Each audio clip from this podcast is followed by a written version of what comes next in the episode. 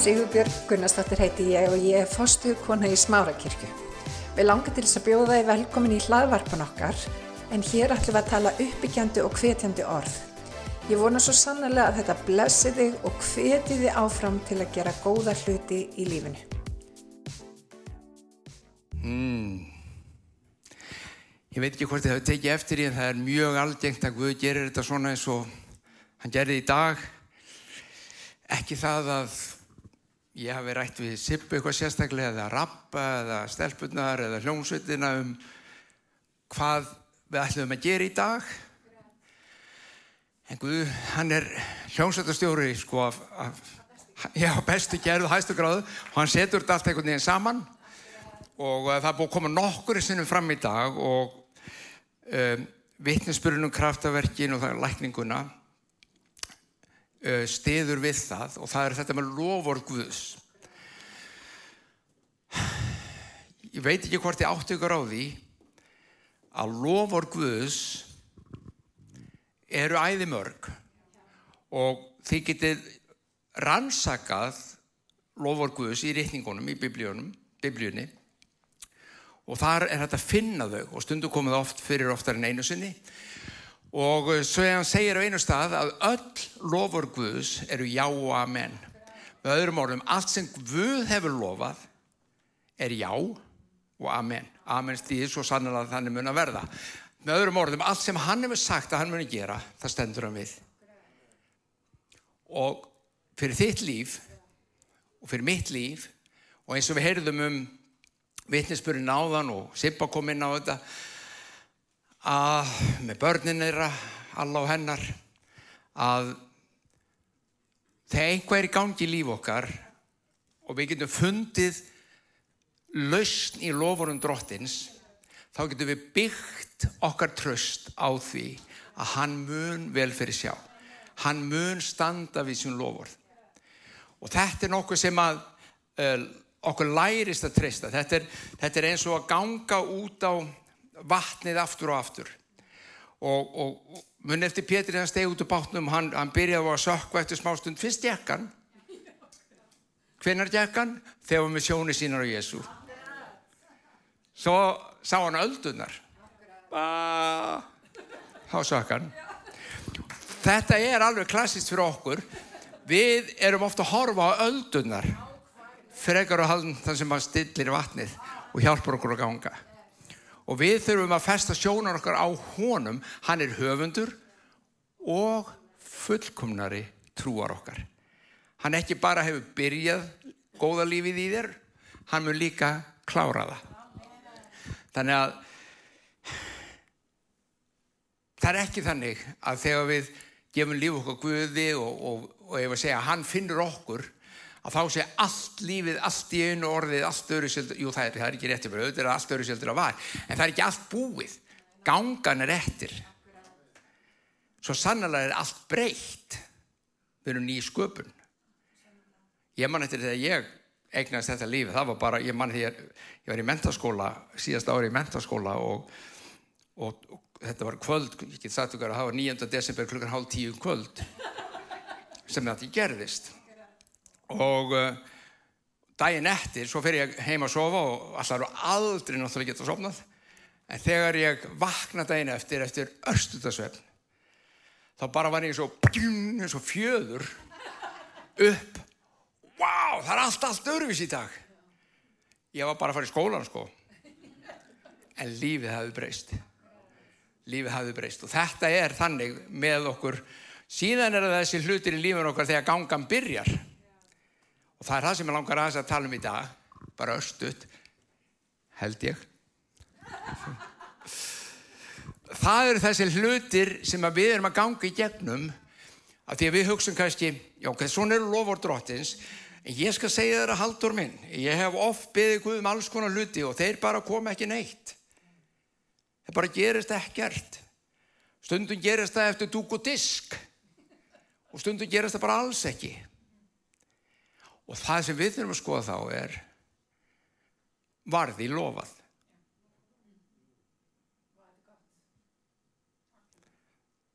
Þú þáttu komast að varði lofað.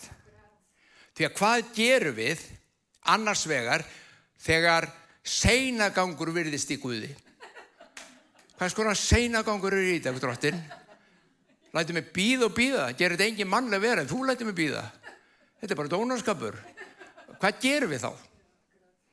Býðu, ég veit að ég er ekki svo eini sem er lendið því. Aðra, og svo beigð og ég beigð og, og svo býður maður og býður og það virðist ekkert gerast. Hvernig getur þú kvilt í trösti og kvilt á því augnabliki? Við langar aðeins að tala um þetta, okkar viðbröðu því. Svo er hitt sem ég er bara ennþá vera. Hvað gerir þú þegar bara kemur ekkert svar? Korki fyrir henni síðar. Og ég veit líka, ég er ekki eini maðurinn sem er enna býð eftir og ég er ekkert vissum að komi bæra svar við því. Hva, hvernig tek ég á því? Hvernig þroskast ég á göngunum minni? Hver eru viðbröð mín á því augnabliki sem ég er að, að uppgöta fyrir mér að heyrðu, það er ekkert víst að þetta gerist. Og þá kemur spurningin, vildi Guð ekki svara því?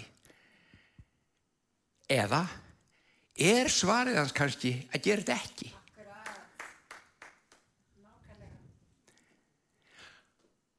Er kannski stundum gott fyrir okkur og það besta fyrir okkur að einhvað gerist ekki sem við erum að viðja um.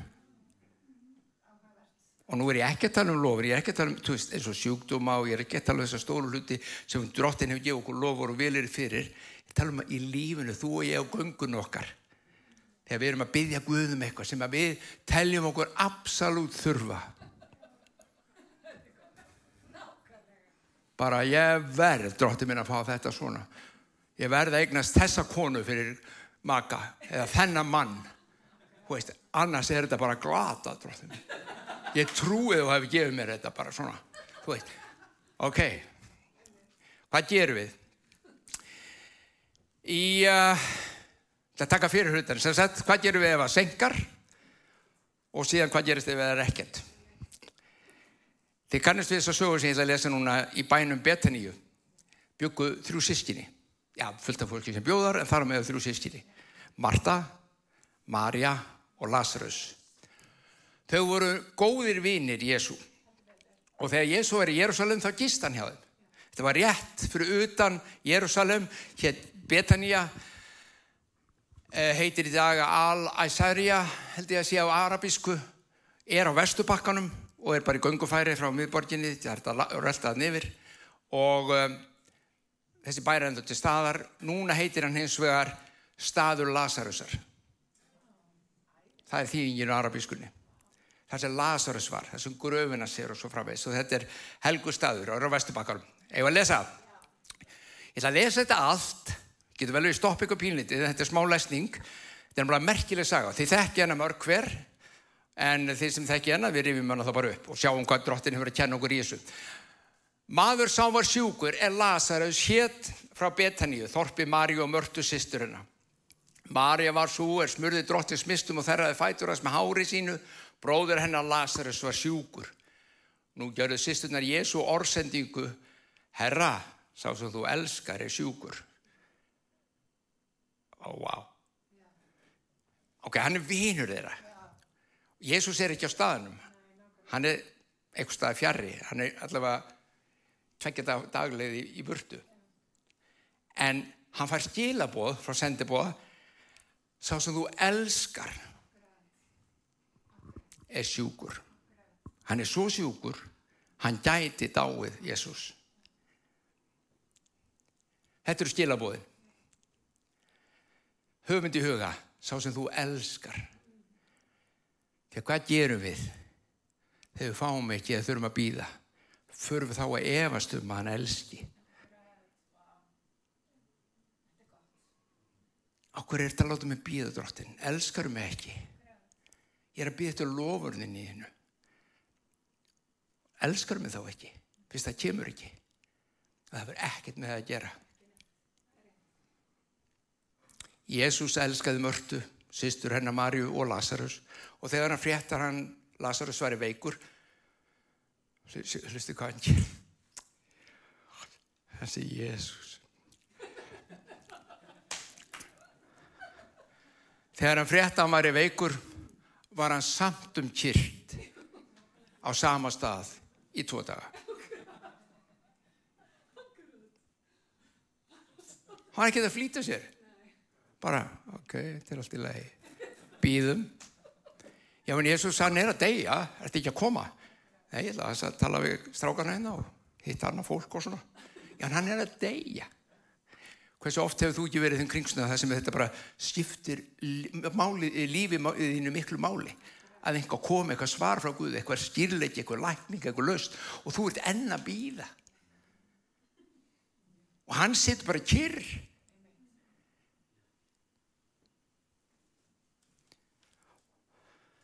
Hann var samt um að tveimundugum liðnum frá því hann fekk skilabóðin saði hann við lærisvína sína já, nú förum við.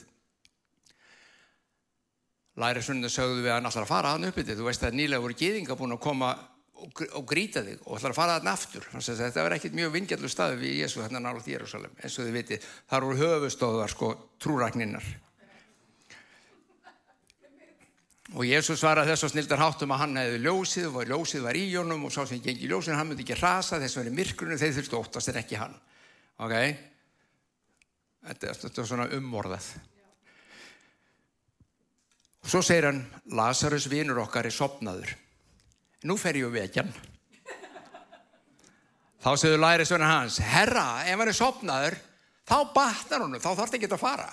Ef hann er bara sopnaður En Jésús var að tala um dauða hans. Þeir heldu hins vegar að hann ætti við vennilega svefn. Þetta er gaman að lesa biblíun, þetta er bara svona, þetta er bara eðlilegt líf og hlustið á strákarna. Ég menn, þetta er nákvæmlega sem við myndum segja. Já, byrju, hann, ef hann er sopnað bara, þá bara vaknar hann. Heldum hann var að tala um vennilega svefn. Jésús sagði þá bara, þið er ekki að ná þessu, hann er dáin. Lazarus er dáin. Og svo segir þess að skrítnu setningu og ykkar vegna þá fagnar ég því.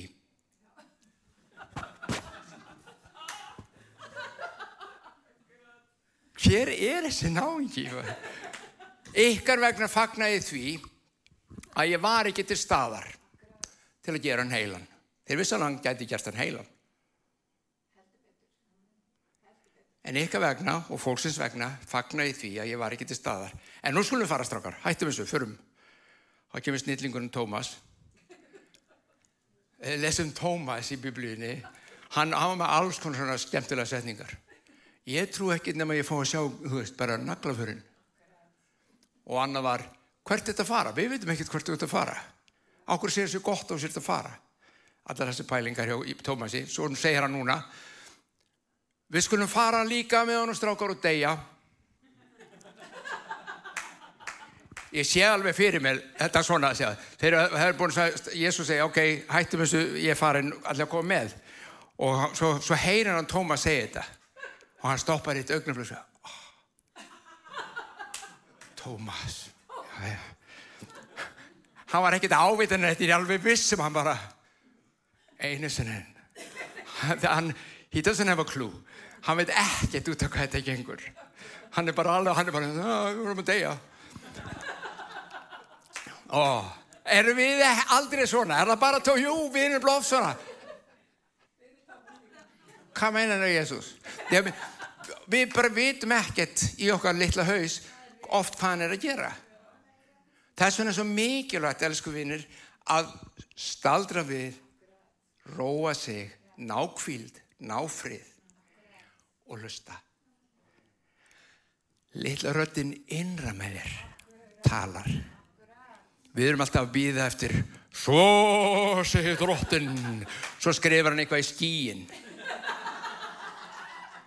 og hann er bara mjög lítið í þeim business í dag. Hann er ekkert mjög mikið í því. Við erum, við erum að læra að hlusta og þegar þeir komu þá var það eins vís að Lazarus hefði verið fjóra daga í gröfinni, það passar. Það var lasinn, það var fyrir tveim dögum svo, svo dvaldi þess að nú í tvo dagi við og hann hefði dáið bara rétt eftir að skilabóðum komu og hann var lagður í gröfina. Betani er nálat Jérúsalem undan byrj 15 skeðrum margi gíðinga voru komni til mörtu til að hugga þær og Marju til að hugga þær eftir bróðumissin þegar Marta frétt að Jésús var að koma fór hún á mótónum Marja satt heima og Marta sagði við Jésu Herra minn ef þú hefðir verið hérna þá var bróðum minn ekki dáinn. Þetta er náttúrulega að segja við aldrei ó, ok ég, ok, það er fullt af fólki sem segir, kannski ekki þið fullt af fólki sem segir drottir, hefur bara gert þetta sko? Hefur bara gert þetta þá er lífið miklu betra þú veist, við erum ekkert alltaf að berjast við það að deyja eða ekki deyja eða einhver deyja eða kringum okkur og fá lækning á hon stundum erum við að berjast við það eins og þau voru að gera þarna. Okkar setning við drottin minn, hefur þú bara gert þetta fyrir mig þá hefði ég ekki mist þessa vinnu. Drottin minn hefur bara gert nú skilja ekki þetta okkur að gera þetta hérna. Þú veist, ég fjekk ekki þessa stöðu drottin minn, svo kemur allur pakkin og þetta er svona bara litli hlutir með að við lífi sjálf en við förum svona við erum vola kurtið samt. Hefur bara. Svo bætir Marta við. En ég veit að Guð mun gefa þér hvað sem þú byður honum. Jésús sagði við hennar bróðum þinn mun rýsa upp. Og Marta segi já, já ég veit alltaf eftir degi mun hann rýsa upp eins og allir aðrir. En hvað núna Jésús? Já, hann mun rýsa upp Ég er uppreysnan á lífið, svo sem trúur að mig mun lifa þóttan degi. Og hver sem lifur og trúur að mig mun aldrei að eilifu degja. Ef þetta er ekki goða frétti fyrir þig og mig í dag, að þú munt aldrei smakka dauðan, er þetta að hlusta á mig? Þú þarf ekki að óttast það að það slökna á líkmanninum og gjör þegar það er að kemur. Þú munt aldrei, þú innri maðurinn þú í andanum, Siggi, Bjarni, Gunna, Sigga, þið munu aldrei upplifa og smakka dauðan. Hver sem lifur og trúur á mig mun aldrei að eilífu degja. Trúur þessu, spyr hann svo. Hún segi já, ég trúi því að þú sér Kristus og Guðs sem koma skal í heiminn. Alls og malti fór hún svo til Marju meistarinn hér og vil finna þig. Þetta er fræksetning sem margir breyting út frá. Meistarinn hér og vil finna þig. Þetta notum við í trúbóðsangvonum meistarinn hér og vil finna þig. Og það er alveg rétt, hann vil gera það. Þegar Marja heyrði þetta reysum skjótt og fætur og fór til hans. En Jésús var ekki enn kominn. Hún fersast út úr þorpun á mótunum. Gýðingarnir sem voru heima voru heldur hún var að fara út í skyndi og fóru eftir henni þegar heldur hún var að fara í, til gravarinnar og gráta Og Marja segir nákvæmlega það sama og Marta. Herra, ef þú hefði verið hér, væði bróðu minn ekki dáin. Og þegar Jésús sá hann að gráta og gýðingan að gráta sem með henni komu, komst hann við í anda sínum, var hræður og sagði, hvar er hann? Hvar hafið þið lagt hann? Þeir sögðu kom þú og sjá, þá kemur þessi fræga setning, bara þrjú orð í biblíunni. Þá grét Jésús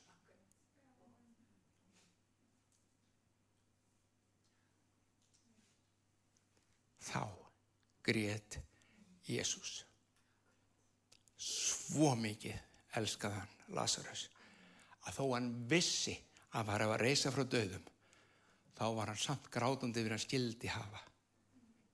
Svo mikið þóttur á væntanum þannig ég segi við þig aldrei efast um það þó að þú sért að býða eftir einhverju bænasvari að það hafi einhvað með það að gera að Jésús elskiði ekki. Það verður ekkert með það að gera.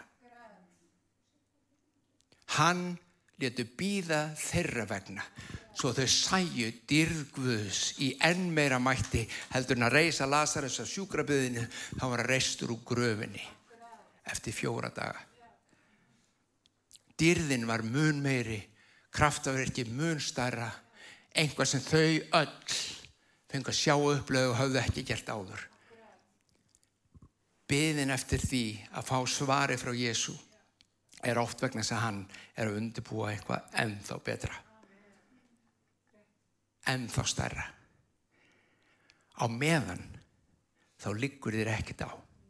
Á meðan þá tekur þessu bara rólega nær frið í hjarta, nær kvild og treystir sig drottin. Ég veit ekkert af hverju ég er að býða en ég treysti þér. Og þá kemur spurningin. Muni eftir, eftir hvað Pál saði ég ripaði henni á Rómarbriðu 8.28 við vitum að þessum Guð elskar samverkar allt í góðs. Þetta er er lofvorð sem þið geti haldið í. Að þó sért þessari stöð að fá ekki bænasverið eins og þú helst þú myndi fá það og varst að treysta fyrir þá getur þú samt við það að Guð mun samverka allt til góðs fyrir þig. Af því hann er ekki hættur að elska þig þó kom ekki bænasvar. Það er mikilvægt að treysta og kvíla ef við gerum það ekki hvað, þú veist hvað það gerir. Það veldur bara streitu óþólumæði vantrún kemur inn mannlíðaninn kemur inn. Óþólumæðin eins og ég segi sem veldur ennþá meiri streitu hjá þér. Og streita er vond fyrir alla menn. Sama hvort þú á trú eða ekki. Þú þarfst að losna með streituna. En hvað gerum við, ætla að klára stutt með þessu? Hvað gerum við svo þegar engin bænasör koma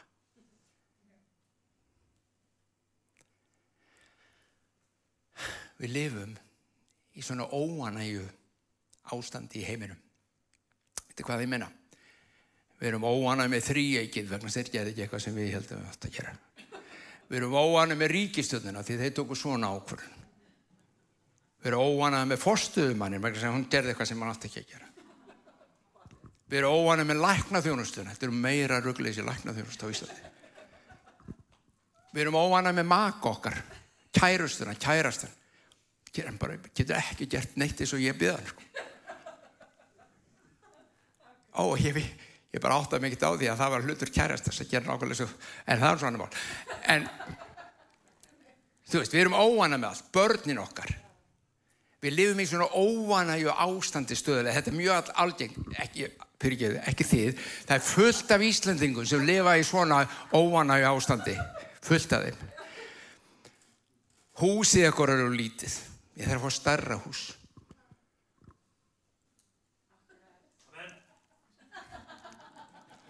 Þarf að fá nýra sjónvarp. Býtum við alltaf að segja mér að 50 tómundar séur virkileg ekki nóg.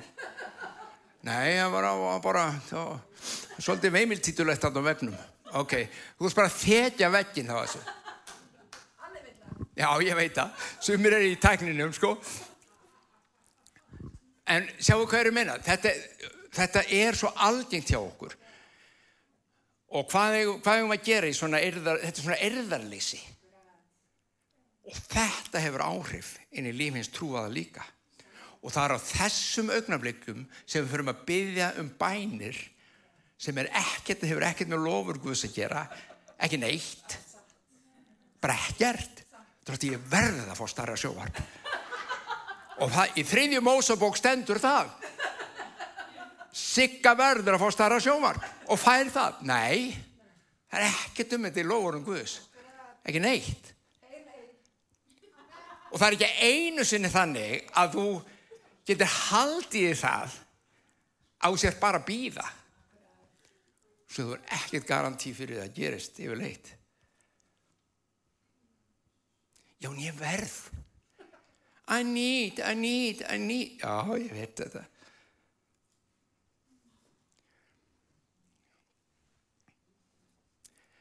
Hversu mörg okkar er einmitt að reyna að fylla tómarúmið og þennan hátt? Og takt eftir.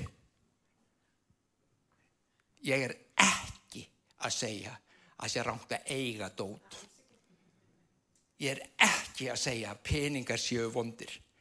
Ég er að segja eins og biblíðan segir fyrir græðkin öfundin þetta að fá aldrei nóg til þess að hann fá frið það er ekki í lagi Sýnir hvað er að fara? Það er ekki í læg. Og eini staðurinn sem við getum fundið þessa sönnu uppfyllingu í lífinu og fullnægu í lífinu er með því að finna tilgangin með lífinu og plögga inn í hann.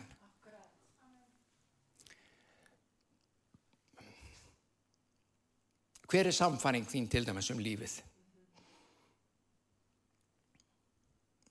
Hver er samfæring þínum og hvernig er best að lifa, hvernig þú átt að lifa?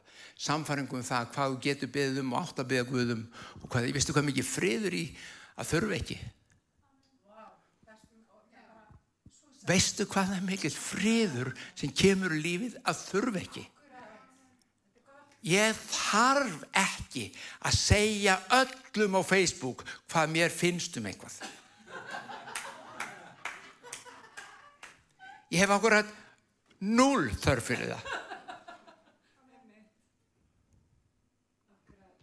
Ef ég setja eitthvað á Facebook, þá er það vel í grundu máli og eitthvað góðu brandari. Nei, það er eitthvað bara svona... Ég hef enga þörf fyrir þetta. Og ef einhver segir eitthvað sem ég er algjörlega ósammála ánum með hennu um, ég hef enga þörf fyrir að svara því bara ekki nokkura. Ég hreinlega bara myndi aldrei nenna í það raugraður sem hefur sér stað á Facebook.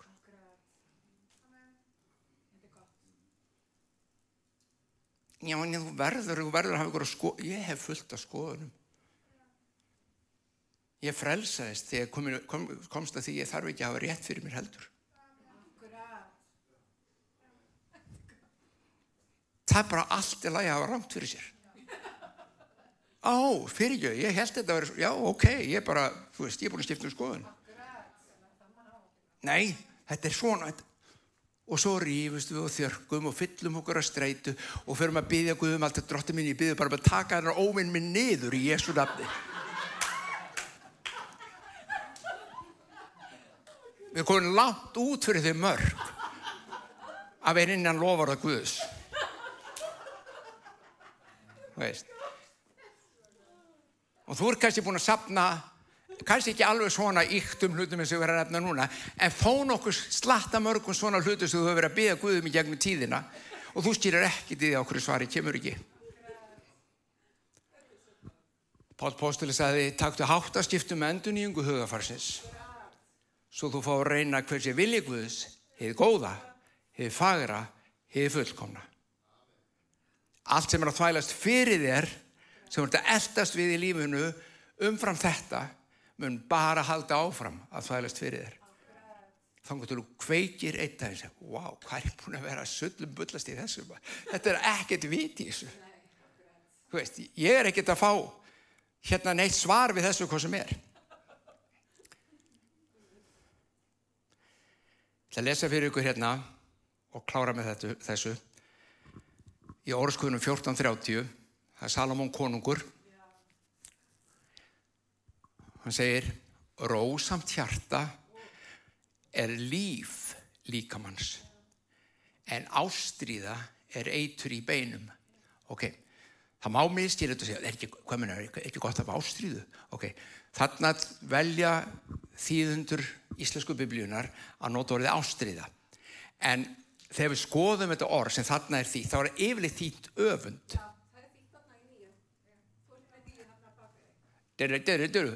öfund.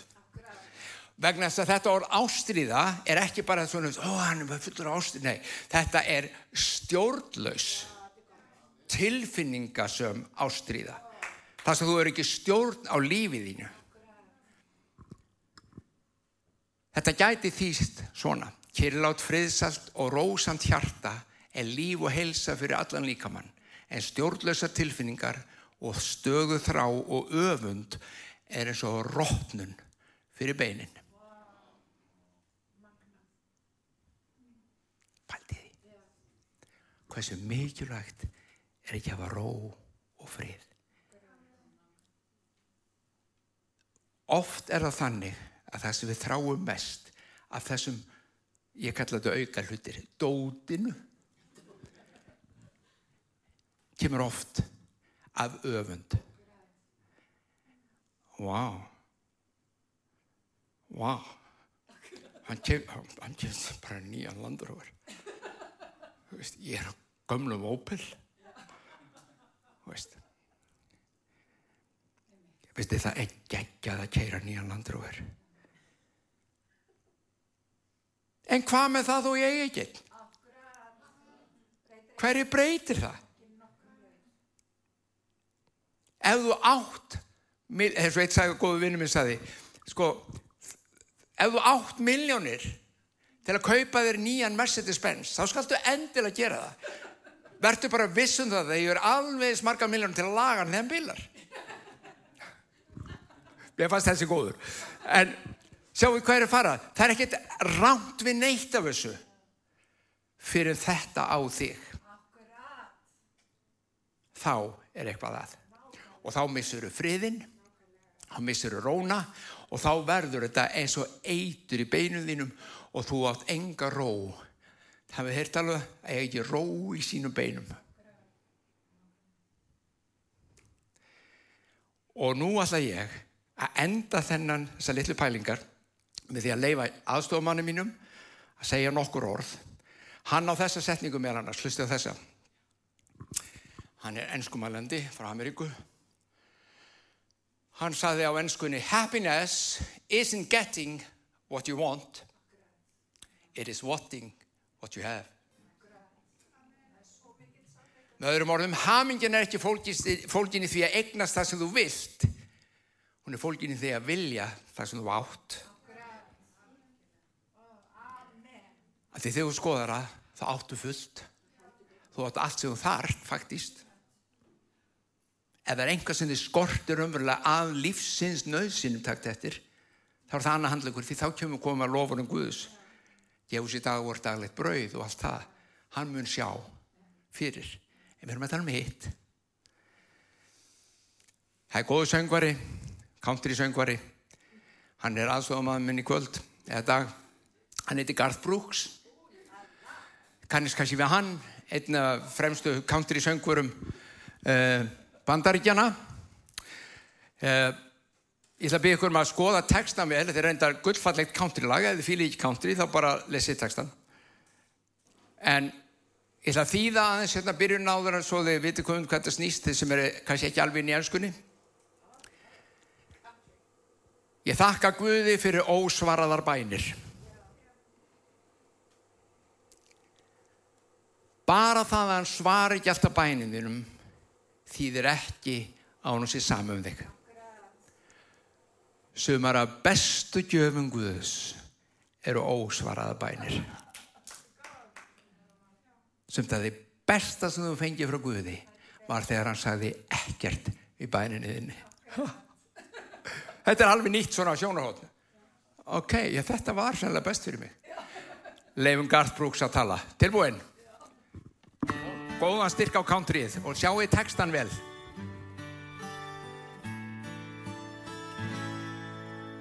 Just the other night at a hometown football game my wife and I ran into my old high school flame. And as I introduced them the past came back to me and I couldn't help but think of the way things used to be. She was the one that I'd wanted for all times, and each night I'd spend praying that God would make her mine. And if He'd only grant me this wish I wished back then, I'd never ask for anything again. Sometimes I thank God for unanswered prayers. Remember when you're talking to the man upstairs, and just because he doesn't answer doesn't mean he don't care. Cause some of God's greatest gifts are unanswered prayers.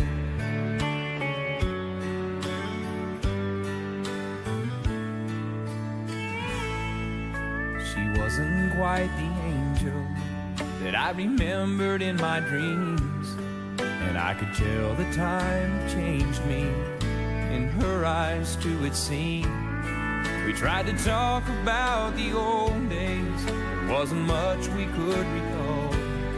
I guess the Lord knows what He's doing after all.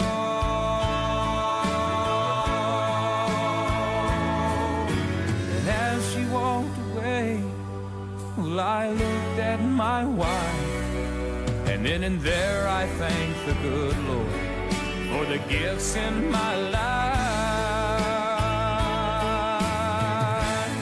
Sometimes I thank God for unanswered prayers. Remember when you're talking to the man upstairs, and just because he may not answer doesn't mean he don't care. Some of God's greatest gifts are unanswered. Some of God's greatest gifts are all too often unanswered. Some of God's greatest gifts are unanswered prayers.